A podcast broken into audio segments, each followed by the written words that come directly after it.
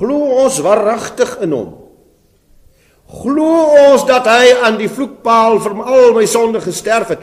Glo ek dat hy opgestaan het, dat hy lewe? Dat hy alle mag het in hemel en op aarde?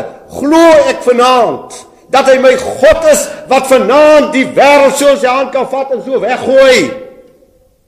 Glo ek wie hy is? Hy wat my gesien het, het die Vader gesien. Het die almagtige skepper van hemel en aarde gesien? het hom aanskou. Die enigste daar was niemand te vind nie behalwe hy wat soos 'n lam lyk wat die boek se seels kon breek wat die magtige heilsplan van die ewige skepper in vervulling kan laat gaan. Net hy. Dit was so heerlik vanmôre toe God vir my laat sê nadat hy opgestaan het uit die dood hy staan in sy groot majesteit staan hy in sy verheerlikte liggaam, staan hy tussen sy disippels. Nooit weer die vlees, nooit weer die sonde, nooit weer die angs, nooit weer enigiets wat hom kan aanraak nie. Glo ons dit? Glo ons dat ons deel daarvan is? 'n Waaragtig deel daarvan is. Watter werke het hy gedoen? Ek begin by sy eenvoudigste werke. Hy wat in die vlees gekom wandel het. Hy wat jou en my gestalte aangeneem het. Hy wat ingebuk het in hierdie sondeval waarin ons vir ons bevind. Hy kniel met 'n skottel water en met 'n doek by die voete van sy disippels. Dis 'n groot werk Dis 'n groot werk om nederig te word en te gaan kniel by hulle vir wie jy liefhet. Hy sê in sy woord: Ek was dors en jy het vir my water gebring om te drink. Ek was honger en jy het my gevoed. Ek was naak en jy het my geklee. Ek was in die gevangenis en jy het my besoek.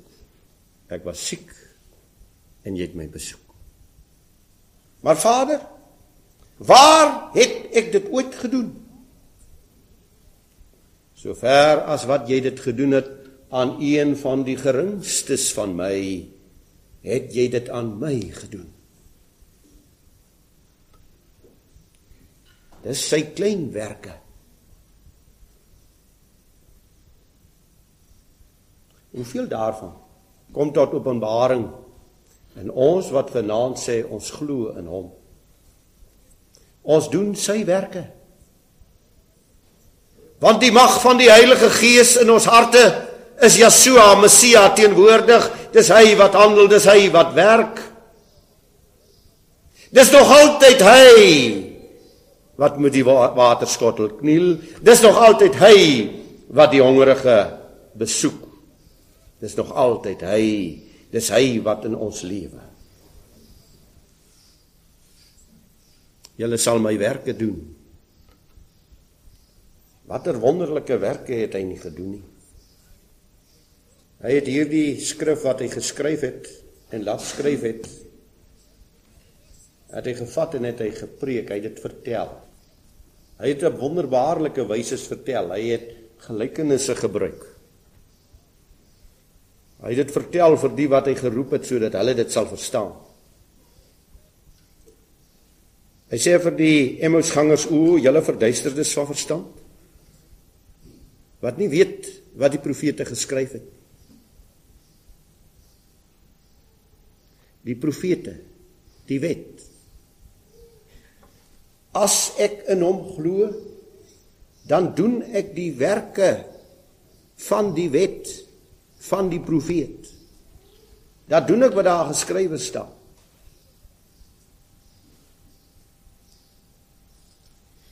Hy vertel die verhaal van die ryk man en van Lazarus. En wanneer die ryk man nou in die doderyk is, Lazarus is ook in die doderyk, dis nou voor die opstanding. 'n diep poort of kloof is tussen hulle, binne die doderyk, die gelowiges een kant en die ongereddes aan die ander kant. Hulle kan nie na mekaar toe kom nie, maar hulle is bewus en hulle sien mekaar. Dan roep daardie ryk man uit: "Ag, net 'n druppeltjie water, net 'n druppeltjie water." Dan sê ag sal daar tog nie engele die hemel gaan na daai broers van my wat nog op die aarde is gaan waarsku nie. Wat sê Jesua? Hulle het die wette en die profete. As hulle na die nie wil luister nie, sal hy engele uit die hemel hulle ook nie oortuig nie. Die werke van Jawe staan geskrywe. Elkeen van ons weet wat sy werke is, behoort te weet. So magtig is sy werke dat hy duiwels uitdrywe. Dat hy sy hand optel en genees, dat hy 'n woord spreek en dit gebeur. Julle sal dieselfde werke doen as ek as julle in my glo.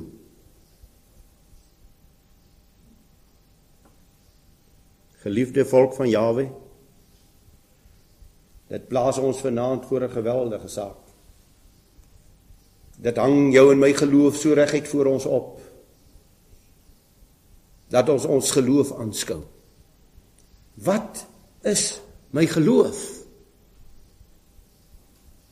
Wat glo ek? Hoe glo ek? Hoe ver vertrou ek? Wat verstaan ek? Wat weet ek van God? En dis nie al wat hy sê nie. En hy sal groter werke doen as dit. Groter werke. Groter werke as wat Yeshua Messia gedoen het op die aarde. Groter werke. As ons vanaand bely dat ons in hom glo. daar staan ons voor hierdie geweldige konsekwensie. Geen nou vir my beter Afrikaanse woord vir die kinders.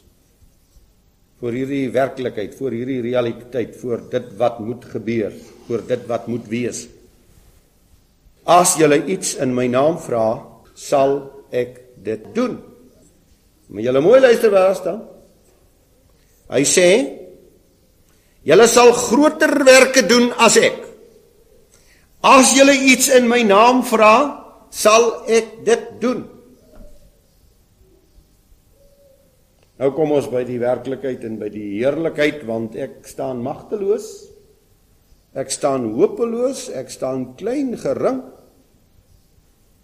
Die werk wat ek dus doen, doen ek in sy naam.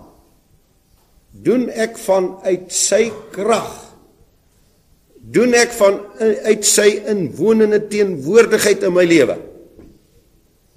Dis nie ek wat groot werke doen nie. Dis alleen in sy naam. So daarom moet sy naam op ons lippe in ons hart heilig wees.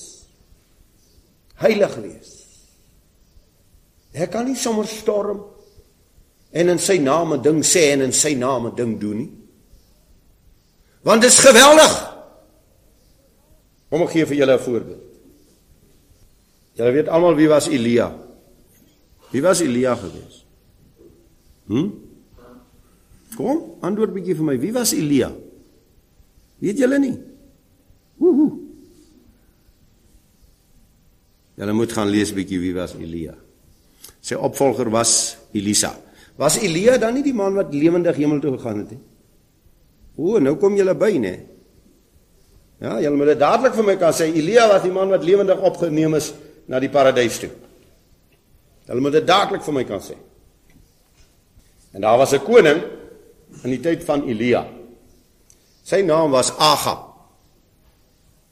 Hy was 'n barbaarse heiden gewees binne die volk as 'n koning. Hy was half soos die spul wat ons nou het. Ja. Hy het God nie gevrees en gemaak soos hy wil. En hy het verskriklik gereageer teen hierdie man van God. Hy wou hom doodmaak. Hy het teen hierdie koning gestaan met sy hele hart. Want God gevrees en geëer. En toe stuur Agab 50 manskappe. Sê hy gaan vang vir my daai profeet daar in die berg. Bring hom hierso. En die kom hulle daar aan. En die ou sien daar sit Elia, die leier van die span. Hy sê daar, sê nou maar hy was die sersant of wat. En hy sien daar sit Elia. Hy sê, "Hey, jy man van God, kom af van die berg af."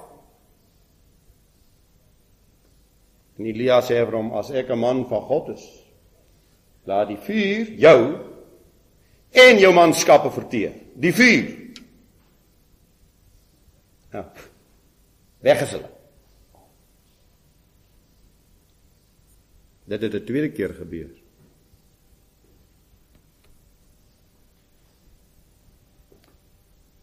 Die majesteit van Jawe. Die heiligheid van die God wat ek aan jy aanbid. Die vreeslikheid van hierdie God. Want hy's 'n verterende vuur. Hy toorn oor die sonde. maar hy's 'n liefdevolle Vader. Hy's 'n magtige verlosser.